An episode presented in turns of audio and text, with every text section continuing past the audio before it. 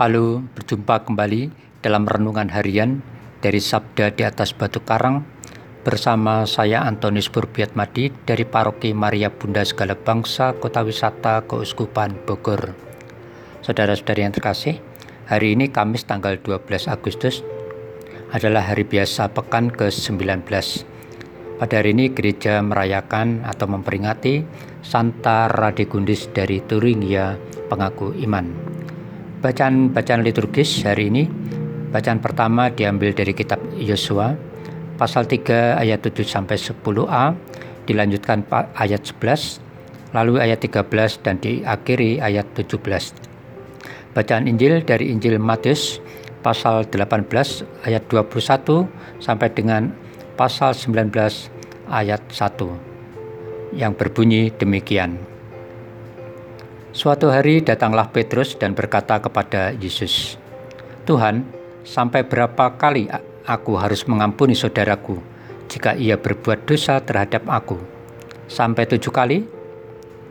Yesus berkata kepadanya, "Bukan, aku berkata kepadamu, bukan sampai tujuh kali, melainkan sampai tujuh puluh kali tujuh.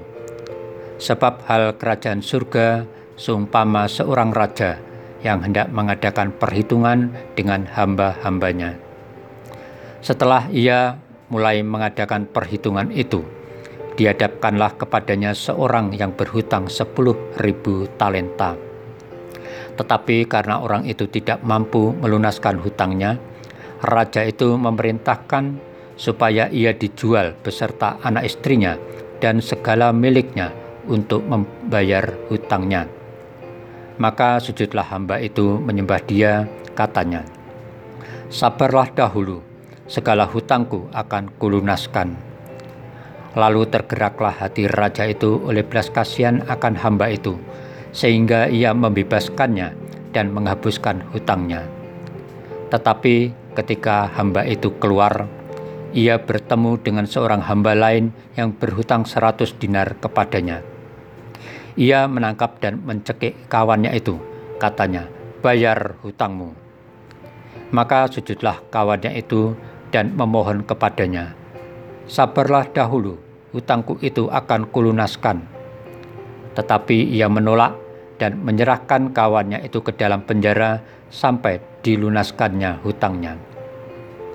Melihat itu, kawan-kawannya yang lain sangat sedih lalu menyampaikan segala yang terjadi kepada tuan mereka. Raja itu menyuruh memanggil orang itu dan berkata kepadanya, "Hai hamba yang jahat, seluruh hutangmu telah kuhapuskan karena engkau memohonkannya kepadaku.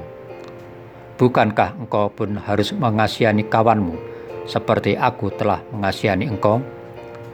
Maka marahlah tuannya itu dan menyerahkannya kepada Al-Guju-Al-Guju sampai ia melunaskan seluruh hutangnya. Maka Bapakku yang di surga akan berbuat demikian juga terhadap kamu apabila kamu masing-masing tidak mengampuni saudaramu dengan segenap hatimu. Setelah Yesus selesai dengan pengajarannya itu, berangkatlah ia dari Galilea dan tiba di daerah Yudea yang di seberang sungai Yordan. Demikianlah Injil Tuhan.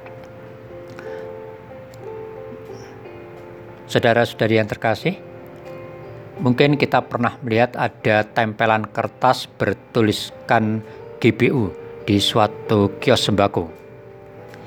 Itu bukan kependekan dari God bless you, tetapi ternyata adalah gak boleh utang. Memang orang yang berhutang itu ternyata lebih galak saat ditagih. Kalau hutang-hutangnya tidak dilunaskan, tentu saja akan membuat pemilik kios itu akan bangkrut.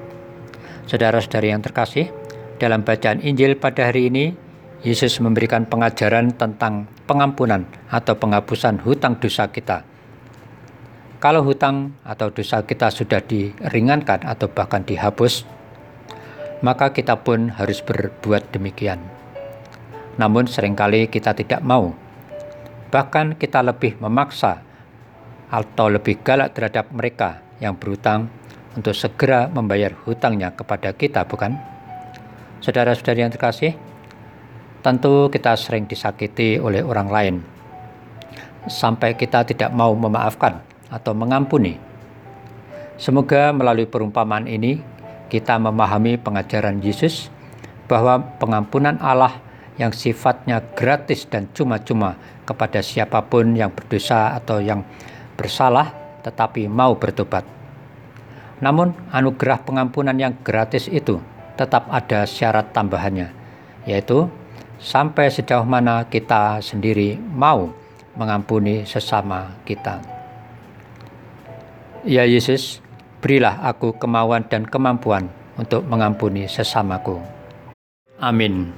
Saudara-saudari yang terkasih, mari kita tetap taati protokol kesehatan dan aturan PPKM dan semoga Tuhan memberkati kita. Amin.